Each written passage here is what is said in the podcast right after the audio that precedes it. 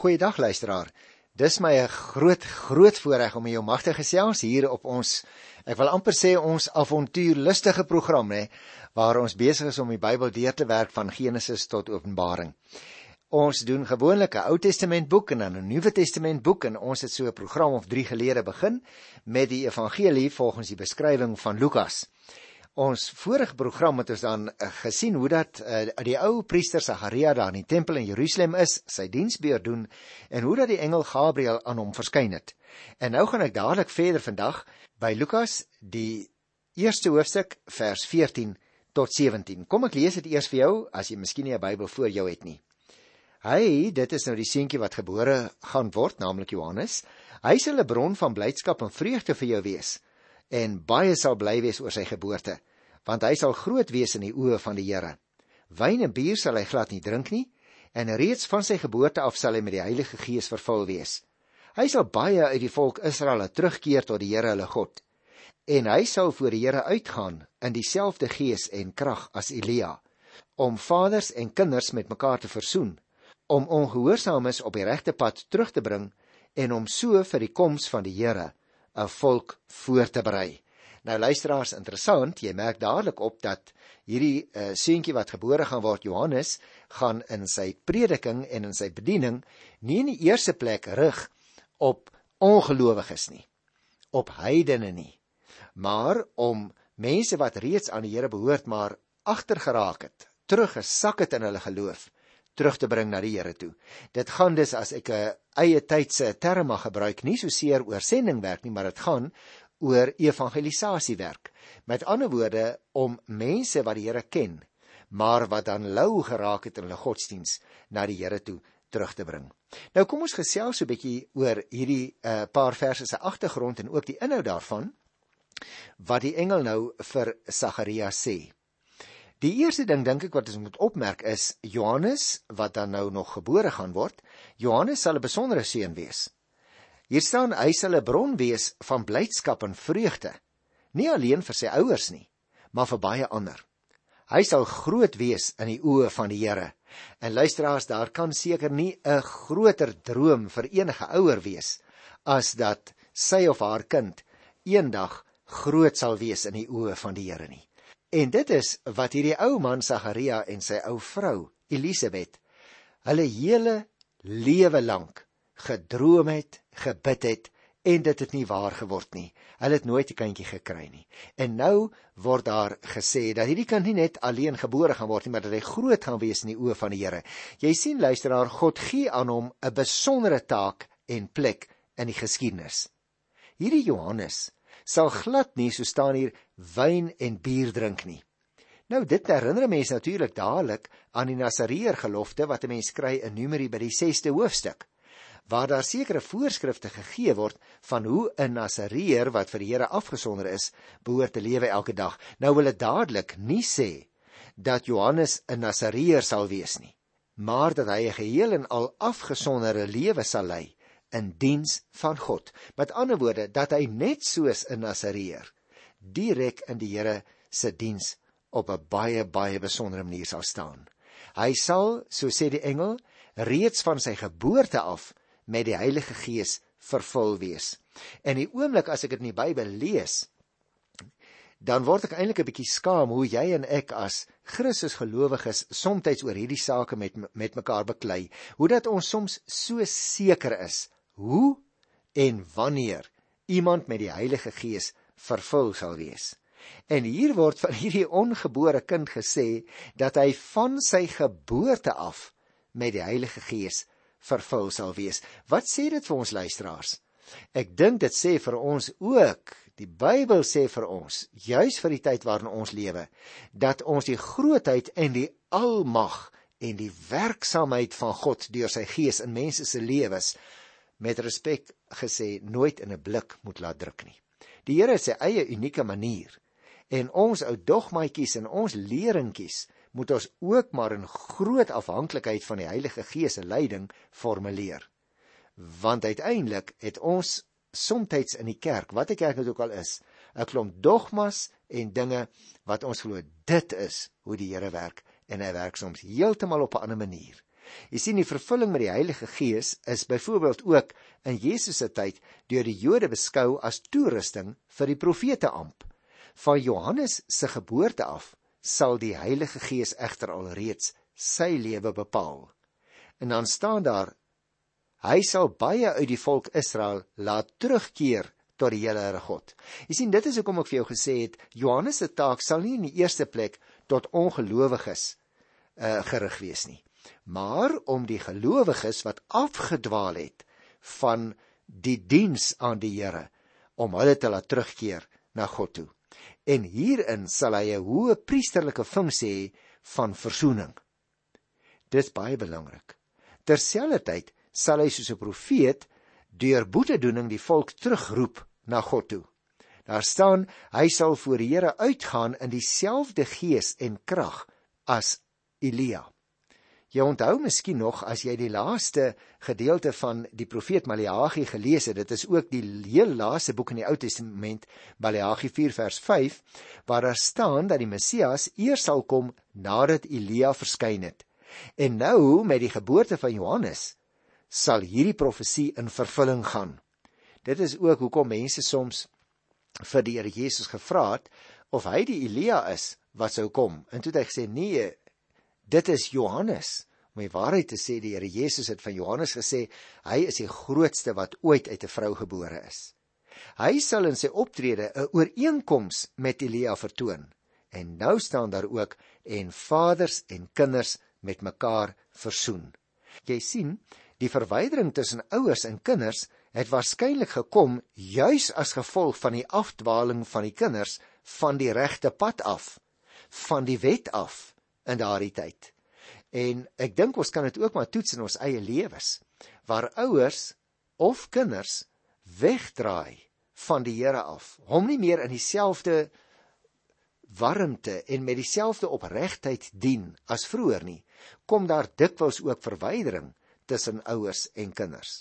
Nou deur sy prediking sal Johannes die ongehoorsaames terugroep tot bekering, staan daar, en op die wyse sal hy die volk voorberei vir die koms van die Messias. O, ek dink luisteraar, dit moes musiek gewees het in ou Sagaria se ore toe hy dit verneem. Spesifiek met verwysing na die 15de vers merk ons in hierdie verse dat Johannes vir besondere diens aan God afgesonder is. Die feit byvoorbeeld dat hy verbied is om sterk drank te gebruik, het baie duidelik verband gehou met die eed van die Nasareërs in Numeri 6 waarna ek net nou verwys het. Om byvoorbeeld ook sy algehele toewyding aan God te bevestig. Samson, na wie ek net nou verwys het in Rigters 13, was byvoorbeeld 'n Nasareër en hy het daardie Nasareërs eed afgelê en Samuel waarskynlik ook. Gaan kyk maar so 'n bietjie in 1 Samuel 1 vers 11 hoe dit daar ook vertel word in daardie verhaal hoe dat Hanna die moeder van Samuel gesmeek het by die Here dat sy ook vir hom 'n kindjie sal gee en dat sy hom aan die Here sou teruggee. So die hele gedagte was dus dat Samuel dieselfde lewenstyl sou handhaaf as die van 'n Nasareër. Dit is natuurlik tussen hakies luisteraars Lukas se heel eerste verwysing hier in sy evangelie na die Heilige Gees hier in uh, vers 15. En die Heilige Gees is natuurlik die derde persoon in die drie eenheid. Lukas gee baie aandag aan die rol van die Heilige Gees. En nou sê hy hier dat 'n mens met die Heilige Gees vervul word om 'n bepaalde taak te verrig. Dis nogal interessant. Gaan lees ook maar in die uh lewe van Daniël. Uh en ook in die lewe van die profeet Jeremia of spesifiek in die lewens van die rigters. Hulle is elke een op 'n besondere manier deur die Heilige Gees geroep en toegerus vir hulle taak.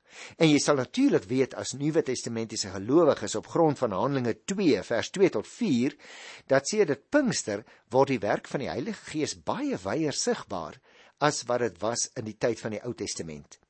Nou, Johannes se rol sou feitelik dieselfde wees as die van die Ou Testamentiese profete. Hy moes die mense oproep om van die sonde af weg te keer en hulle weer tot God te wend. Hy word dikwels vergelyk met Elia wat hom ook sterk uitgespreek het teen slegte regerders. Jy kan maar gaan kyk in Matteus 11:14 word daarna verwys uh wat gesê word in Maleagi 4 vers 5 dat Elia sal kom. En nou word gesê dat daar 'n verband is tussen die profesie van Maleagi 4 en die geboorte van Johannes wat binnekort sal plaasvind. Ek wil miskien nog net hierdie belangrike en vir my persoonlik insiggewende aspek noem dat 'n mens in 1 Konings 18 daar heelwat meer besonderhede gekry word oor hierdie man Elia. En ek het in 'n vorige program daarna verwys luisteraars dat Elia regtig 'n man van God was. En my waarheid te sê ek het eendag 'n boekie ook geskrywe oor Elia man van God. En as jy gaan kyk daar in 1 Konings 18 hoe getrou hy aan die Here was in die goddelose koning Agab en sy nog meer goddelose vrou Isebel se tyd van regering. Hoe hy net een lojaliteit geken het. En dit is nou, so word nou voorsê, hoe dat Johannes wat ons later leer ken as Johannes die Doper, hoe dat hy ook net een lojaliteit ken en dit is aan die Here. Met ander woorde, Johannes se optrede moes mense voorberei op die koms van die Messias. Hy het die klipharde harte van volwassenes verander in sagte en ontvanklike harte wat soos die van kinders was. Harte waarin verandering maklik aanvaar is. Vir ons wat al groot is en ouer word, vir ons is dit bietjie moeilik, hè? Want uh, ons los nie maklik ons streke, ook ons geestelike streke as ons al lank op die pad is nie. En daarom moet jy en ek oop wees vir die leiding en die inwoning en die verandering van ons harte deur die Heilige Gees wat in ons woon. Daar is meer inligting oor sulke hartoorplantings wat ek dit amper noem in Esegiel 11 vers 19 en ook in Esegiel 36 vers 25 tot 29. As jy daar gaan lees, dan sal jy sien hoe dat die Here sê en dit is natuurlik wat hy sal doen deur sy Gees. Wat hy sê, naamlik dat hy die klipharde harte uit die gelowiges se binneste sal verander en dit met vleisharte, met sagte harte sal vervang. En daarom moet jy en ek ook as volwassenes tog nooit kinderagtig wees nie. Maar ons moet wel kinderlike eienskappe hê. Mag ek vir jou vra, luisteraar, is jy oop en ontvanklik vir God? Is jy so oop en ontvanklik vir die leiding van sy gees soos wat jy behoort te wees. Is ek so oop luister ek as aanbieder van die program na die influistering van die Heilige Gees? Of moet jou en my eie hart dalk nog baie verander word? En daarom wil ek ook as 'n instrument in die hand van die Here hier oor die radio vandag vir jou oproep dat jy tog sal toelaat dat die Heilige Gees jou hart sal sag maak, dat hy jou sal verander dat jy werklik instrumenteel in die Here se hand kan wees, soos wat die Here vir Johannes op 'n wonderlike manier as 'n instrument gebruik het deur sy gees. Nou luister 'n bietjie na die volgende opmerking hier in Lukas 1 by die 18de vers.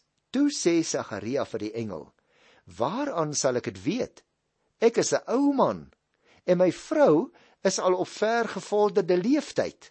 Nou jy onthou ons het dit al gelees van hierdie twee ou mense, beide Sagaria en Elisabet. En luisteraar, klink dit nie vir jou ook asof hierso so 'n bietjie twyfel, so 'n bietjie wat sal ek dit noem, klein geloof selfs miskien? Skielik in ou Sagaria se hart na vore tree nie. Dit was blykbaar die gebruik om met die verskyning van engele 'n teken te vra om hulle gesag te bevestig. Nou Sagaria se versoek is in elk geval so bewys van klein gelowigheid lyk dit vir my. Want hy sê hoe sal ek dit weet?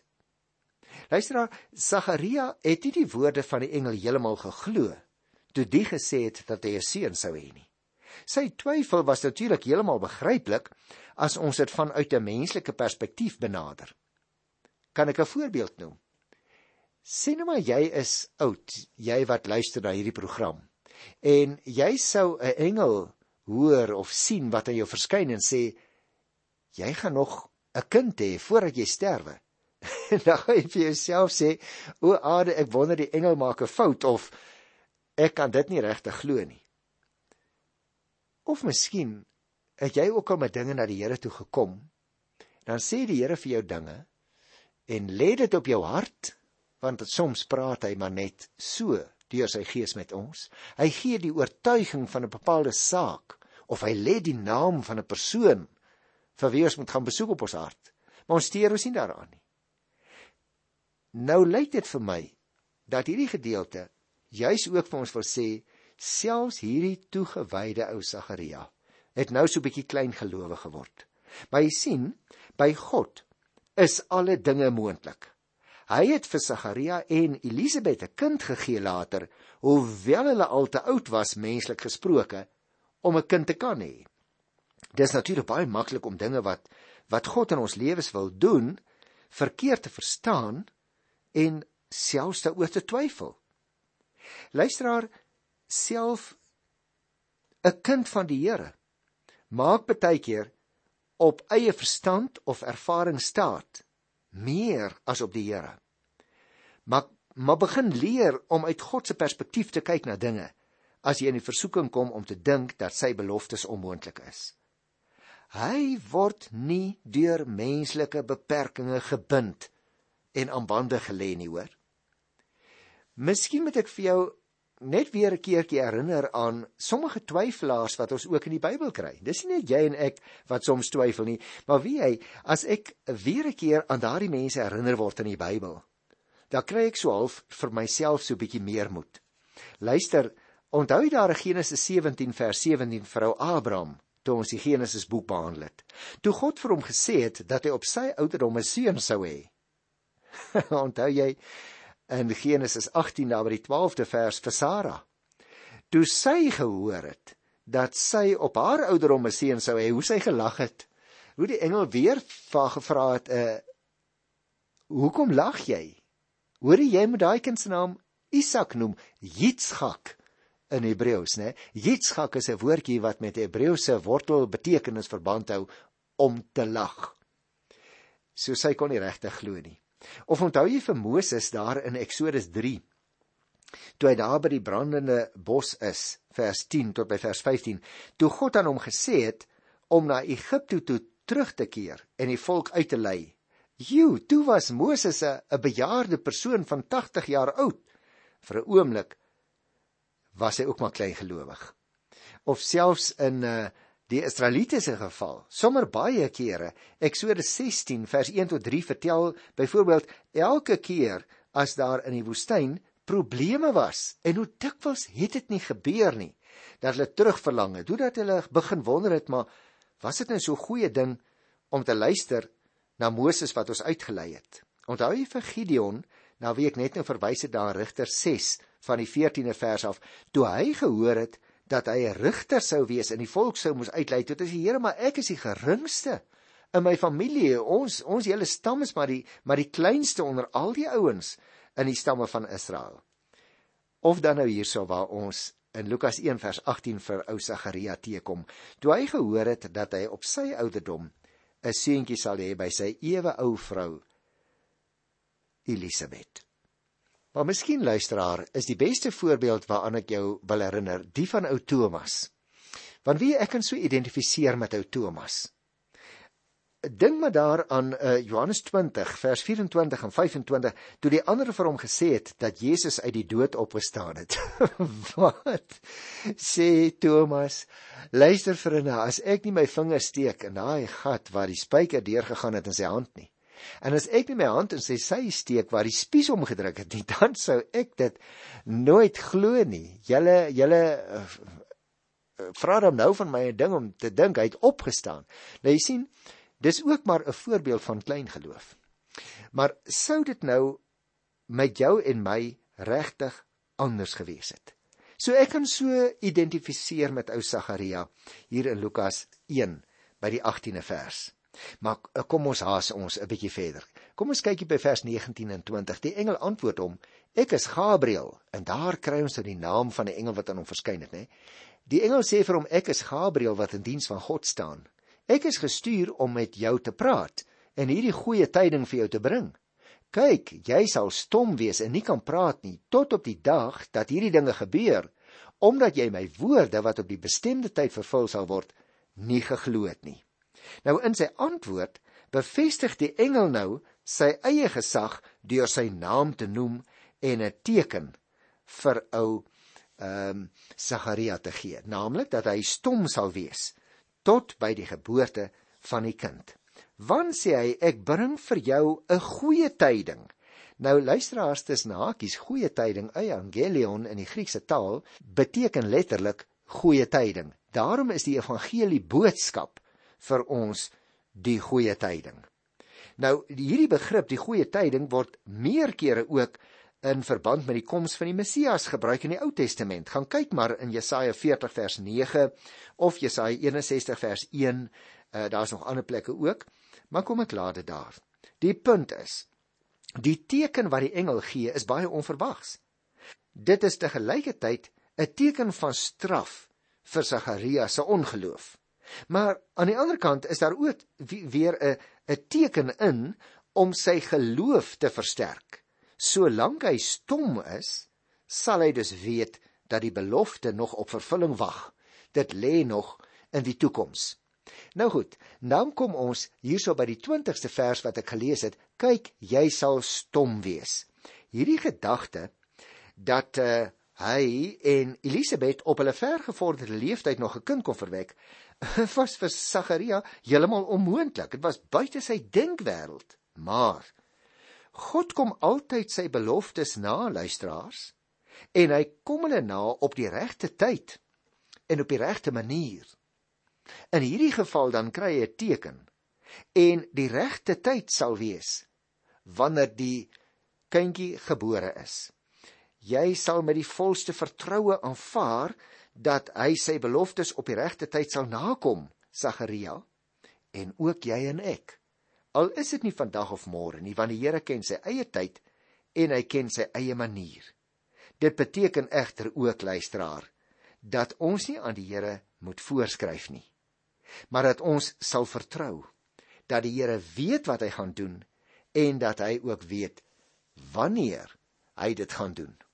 Kyk nou hier na vers 21 tot 23. Intussen het die volk vir Sagaria gestaan en wag en begin wonder waarom hy so lank in die tempel bly.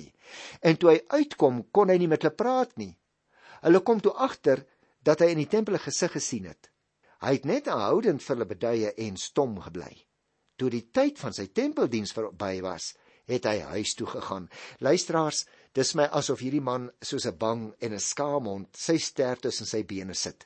Hy het met soveel verwagting gekom na hierdie groot dag vir sy tempelbeurt daar in die huis van die Here. Maar nou gaan hy terug, hy stom, hy kan nie eers met hulle praat nie, hy moet beduie. En nou gaan hy terug na die platteland toe na sy ou vrou toe. Want hy het eintlik so voel hy misluk. Maar aan die ander kant het hy 'n belofte gekry by wyse van die engel wat aan hom verskyn het. Ja. Uit Sagaria se vreemde gedrag kon die volk aan die een kant aflei dat hy 'n gesig gesien het, want hy kon nie praat nie. En hy's huis toe in die suidelike bergstreke van Judea. Maar aan die ander kant het hy die belofte van die engel in sy hart kon dra. Dan sê vers 24: Na daardie tyd het sy vrou Elisabet swanger geword en haar 5 maande lank afgesonder. Ek kan dit verstaan hoor. Sy was seker 'n bietjie skaam, maar terselfdertyd, sy was seker baie baie dankbaar teenoor die Here. Want met die oog op die gebed wat sy vir jare gebid het, was daar nou uiteindelik moontlike uitkoms. En luister nou na vers 25. Daar staan geskrywe: Sy het gesê: "Die Here het dit vir my gedoen. Nou het hy na my omgesien om my smaad onder die mense weg te neem."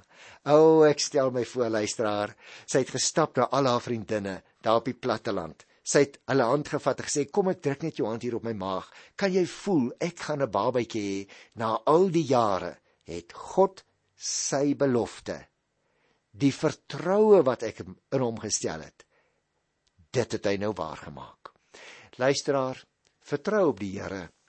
Hy hoor altyd en op sy tyd en op sy manier maak hy die belofte waar. Ek groet jou in sy wonderlike, wonderlike naam. Tot volgende keer. Tot dan. Totsiens.